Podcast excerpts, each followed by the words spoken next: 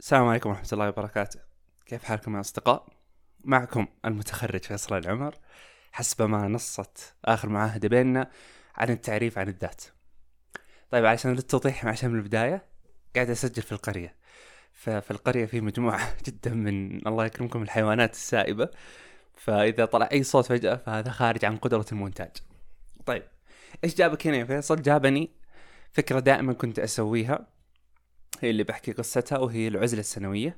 يعني أحاول إني أبتعد شوي عن المدينة عن مكتبتي الموجودة في المدينة عن الشغل اللي كنت أعيشه هناك بشكل مستمر.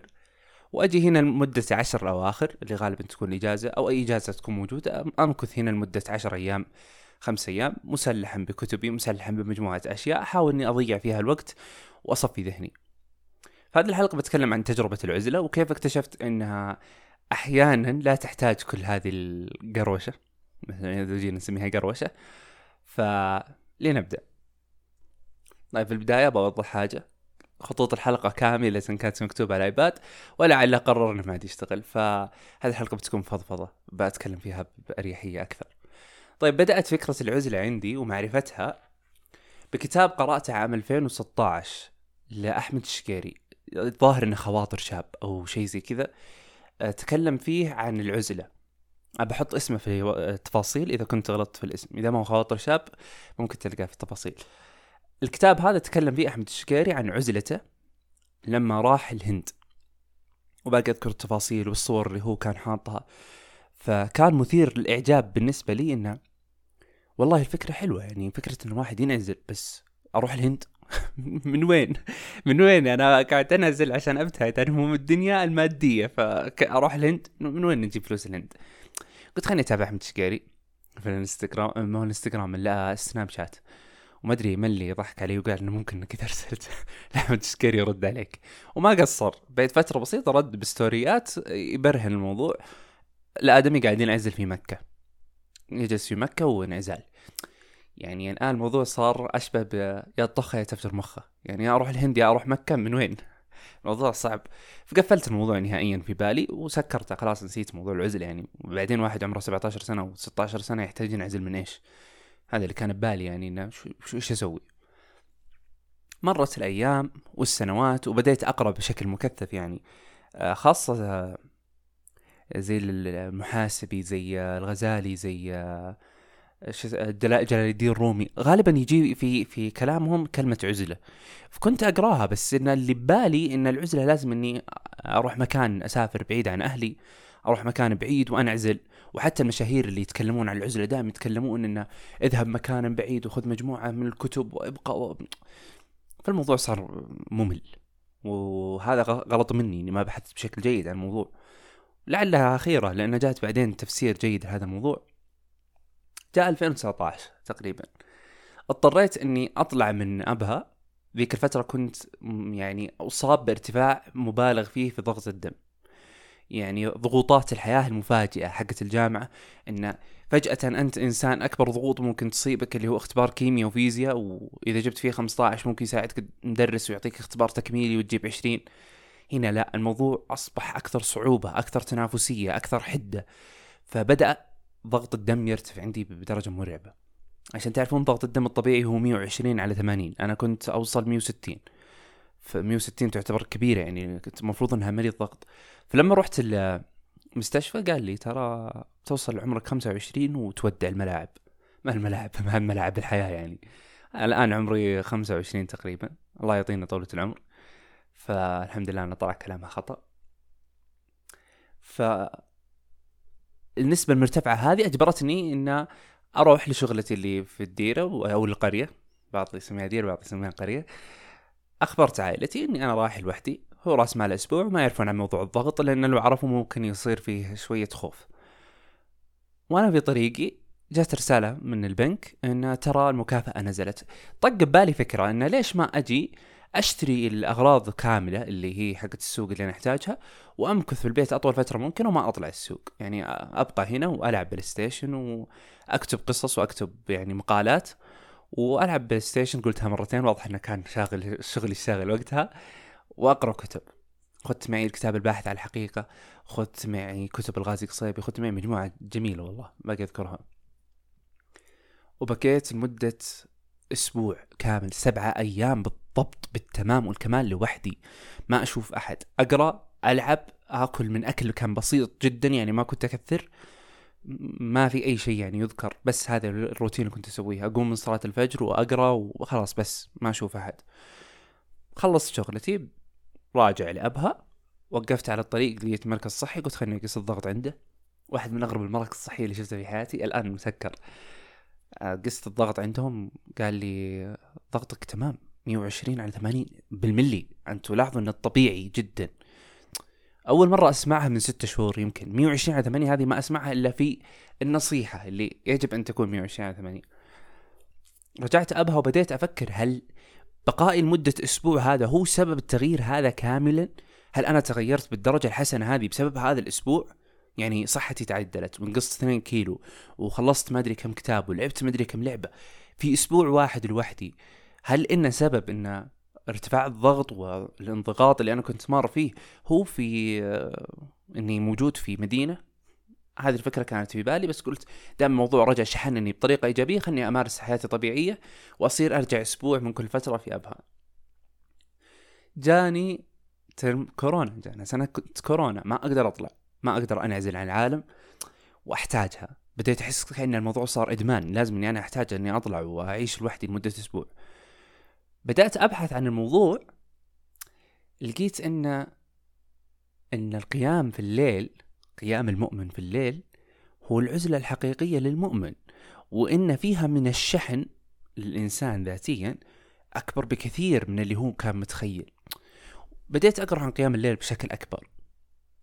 قيام الليل يعني ما كنت أقوم الليل يعني الواحد يصلي الفجر ويحس أنه يعني أحيانا يعني وده يصلي باستمرار وفي الوقت المناسب أحيانا الدوام يجي متأخر. في يصير موضوع مربك. ما بالك إن مسألة إني أقوم الثلث الأخير من الليل؟ يعني قبل صلاة الفجر بساعتين يمكن. وأصليها وأقرأ قرآن. طيب وش ممكن يجيني أنا؟ وش الفائده اللي ممكن أجنيها من هذا الشيء؟ ولأني أبغى أجرب جربت. قررت إني أصير مدة شهر كامل أصلي قيام الليل. مهما يصير مهما يكون لازم إني أنام بدري الساعة ثمانية وأصحى تقريبا الساعة 2 آه، الفجر. خلاص من الساعة 2 للساعة 5 أنا متفرغ لنفسي معي ثلاث ساعات، الثلاث ساعات هذه أنا بصلي فيها ال 11 ركعة، بقرأ فيها جزئين وبقرأ كتاب أو أكتب قصة أو أسوي أي شيء، أنا حر في هذه الثلاث ساعات، لا أهلك في البيت صاحين، لا الناس الموجودين في ال timeline صاحين إلا اللي يقعد يصور إيده ويدخن وحاط طلال مداح هذول حالة نادرة يعني من المجتمع. هذول دائما تلقاهم. بعد منتصف الليل هذول تلقاهم مضيمين المحازين هذول مساكين. خلاص بس أنت اللي صاحي يعني في هذا الوقت. وخلاص انتهت هذا النهج لمدة شهر. أنا قبل هذه العادة إني أضيفها في حياتي ما ما هو أنا قبلها. وأقدر أجزم بهذا الشيء. شعور مختلف. شعور مختلف. شعور جميل. شعور جميل. أنت تشعر بقمة الراحة يعني اللي ظهر لي بعد هذه الفترة صار عندي شخصية ثانية. الشخصية الثانية هي أشد وعيا من الشخصية الأولى بحيث أن بعد الصلاة بعد ما أجلس مع نفسي وأصلي ال 11 ركعة بهدوء وسكينة وأقرأ في ال 11 ركعة هذه جزئين أمسك المصحف معي. بحثت الحكم وطلع الحمد لله أنه في النافلة يجوز أنك تمسك المصحف وتقرأ منه. وأخلص جزئين في كل 11 ركعة.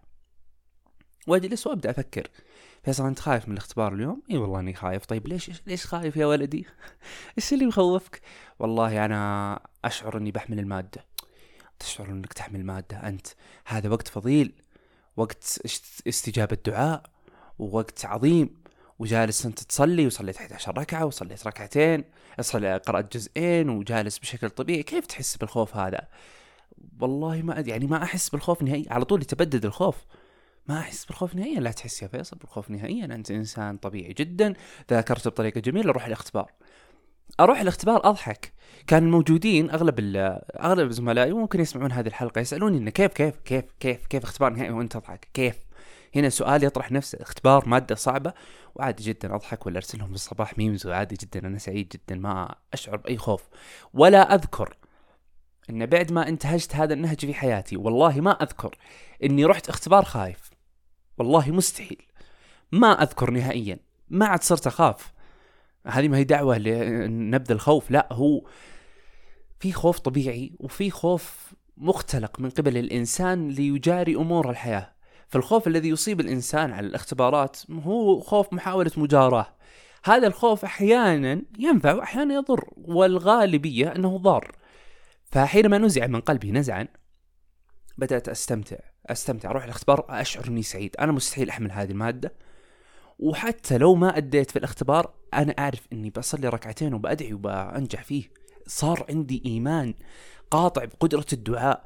صرت أشوف الدعاء إنه هو المنقذ لحياتي. ما هو منقذ. أنا إنسان وش يعني إيش إختبارك صعب؟ أنا بدعي آخر الليل وبنجح. صارت هذه الفكرة في راسي.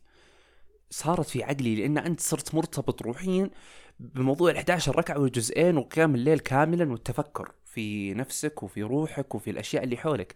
ووصلت مر مرحلة سكينة يعني لدرجة الأشياء اللي تخوف غيرك لا ما تخوفك لأنه صار فيك تعقل. صرت تقدر تكبح جماح نفسك وتقدر تفهم الأمور حولك. في نهاية السنة قدرت إني أرجع العشر أواخر في آه، القرية وأقدر أصلي باستمرارية يعني في في القرية بأريحية ونفس العزلة اللي كانت موجودة لكنها فقدت شوي من قيمتها لأن خلاص أنت اكتشفت أنك ما أنت بحاجة أسبوع تقعد تأخذ معك آه، تونة كأنك بسة وطحينية وشاهي. لا أنت تقدر تقدر تسويها ببيتك تقدر تسويها في البيت تقدر تسويها في أي مكان. السنة اللي بعدها ما عاد صرت أحتاج إني أقعد هنا أسبوع كامل أبدا. أنا صرت أستمتع بقيام الليل واكتشفت فيه أشياء عظيمة لأن الفترة هذه اللي أنت لوحدك تشعر برغبة عظيمة جدا بأنك تفهم الحياة من حولك. يعني فهمت كل شيء. حتى العزلة بعدين اللي 2019 اللي بعدها يعني اللي لحقوهم بالسنوات اللي بعدها صرت لازم أطلع بفائدة مختلفة. ومن الفوائد المختلفة اللي اكتشفتها إن الناس بالغوا في سالفة اللي أغلق هاتفك الذكي لتشعر بالعالم وصيام الدوبامين ومدري إيش. أنا عندي حاجة بس بسيطة بقولها إن قيام الليل بشكل مستمر ومحاكاة الإنسان لنفسه بشكل أكبر تجعل منك صاحب القرار المحكم لذاتك. وهذا الأمر ينعكس على استخدامك لمواقع التواصل الاجتماعي بشكل كبير جدا بحيث أن عادي أنا بستخدم تويتر في عزلتي. أنا مسيطر على نفسي أنا ما بزعلني تغريدة ولا بزعلني مثلا فيديو ولا بزعلني شيء. ليه؟ ليه أقطع تواصلي مع الناس؟ هم أشخاص موجودين على وجه الدنيا. ليش لازم إني أقول آه تويتر أوف وسامحوني برجع بعد أسبوع؟ ليه ليه لازم أقطع؟ عادي بتابع ومعي عقلي أنا أقدر أسيطر عليه.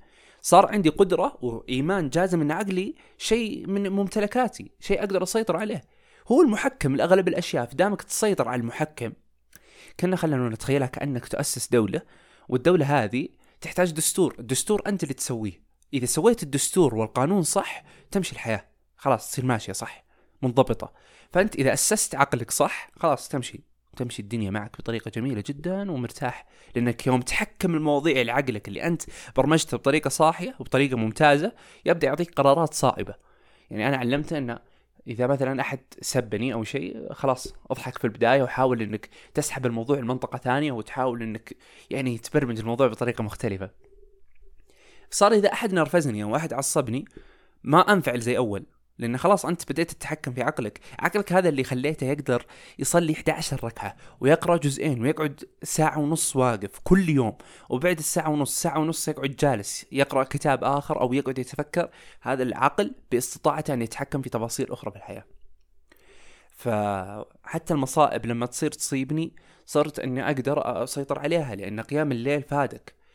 أنا ما أدري كيف ممكن أربط الموضوع دينيا لكن أقدر اربط لكم اربط لكم عقليا إن الموضوع مفيد. قيام الليل مفيد والتفكر في حالك في نفسك ومحاسبة النفس. في حلقة أيضا من بودكاست سوية الأصيل ترى تكلمت فيها عن كتاب المحاسبي ومحاسبة النفس. فادتني بعدين في موضوع العزلة. فقدر المستطاع أنك تقوم الليل هو العزلة اللي موجودة عندك اللي باستطاعتك إنك تسويها وأفضل مليون مرة من من سالفة إنك تروح دولة لوحدك و meditation و detox ومدري إيش يقولون. صدقني إن كل اللي قاعدين يقولونه يفيدهم ممكن لكن أنت تقدر تسوي شيء يفيدك وأنت قاعد في بيتك. للأسف إن موضوع العزلة أخذ منحنى آخر زي زي مواضيع كثيرة قاعدة تروح مجال آخر وإنه لا ما تسويها إلا بآلية. لا لا لا. أرجوكم لا تخربون الأشياء الممتعة في الحياة. العزلة موجودة عند الإنسان يوميا يقدر ينعزل بقيام الليل أنا أقدر أقوله ويقدر ينعزل عن صخب العالم بالصلاة في المسجد. هذه من الأشياء الم... يعني مستمرة حتى بديهية ما أقدر أقولها لأن أنا كفيصل أجزم إن اللي يصلي بالمسجد بشكل مستمر عنده سكينة مختلفة عن اللي ما يصلي بشكل مستمر يا أخي الص... بعد صلاة الفجر المشي لها ثم تقعد في المسجد وتقرأ جزء من القرآن ثم تطلع فيها راحة ترى ما هي في أي شيء في الدنيا وأنا أقدر أقوله. أنا درست الأدوية النفسية كلها وعرفتها وأقدر أراها إن هذه من أفضل العلاجات النفسية للروح. فهذه الفكرة اللي استنتجتها من هذا هذه العزلة اللي موجودة لسنة 20 23 أن العزلة الموجودة بغرف نومنا لقيامنا ليلنا وقراءتنا القرآن وقراءة الكتب والتفكر في حالنا أفضل مليون مرة من تلك التي تجبرنا على أن نتنقل من مكان إلى الآخر. هذه الفكرة اللي أردت أني أقولها لأني لما تكلمت عن العزلة في الإنستغرام جاني ناس كثير إنه ما نقدر نطلع ما نقدر نسوي شيء. لا تقدر في غرفتك بسجادتك خل ممكن أطلب طلب غريب شوي بس خل عندك زي المكان الخاص في غرفتك الزاوية. خلها مثلا حط فيها سجادة حط فيها قارئ مصحف حط فيها مكتبتك خلها مكان غير مش متشابه مع الغرفة. وبتصير لما تروح تحس إنك منعزل عن الغرفة. هذا الشيء أنا سويته وفادني جدا. فأتمنى إن هذه النصيحة تكون فادتكم وإن تكون هذه التجربة البسيطة آه، نقلتها بإذن الله إني بشكل مبسط. وأن تنعزلون بشكل مستمر وأن قيام الليل ما توقفونه لأنه بيعطيكم شعور أن عندكم سيطرة على نفسكم وأن عندكم قدرة على تغيير الأقدار. الدعاء يغير الأقدار فإنك عندك قدرة أنت أنت أنت أنت بنفسك تحس إنك تقدر تغير الشيء اللي قدامك. ليه؟ لأنك تقدر تدعي ويصير طبعي فيك وأنت تتكلم مع الناس تدعي بدون ما تحس. لا إن شاء الله إنها كذا لا إن شاء الله إنها بتسوي كذا. يا رب يا حي يا قيوم بدون ما تحس هي تصير على لسانك. بفضل القيام والدعاء. يسر الله أموركم ووفقكم لما يحب ويرضى. آه هذه الحلقة الأخيرة في رمضان. بإذن الله بعد رمضان نرجع للغزارة الإنتاجية. متحمس جدا اطلعكم لكم قصة. محتار بين كوميدية وحزينة. شكلي بعطيكم الحزينة عشان أخرب بيتكم. لا لا بإذن الله عيد سعيد. وكل عام وأنتم بخير. وإلى اللقاء يا أصدقاء.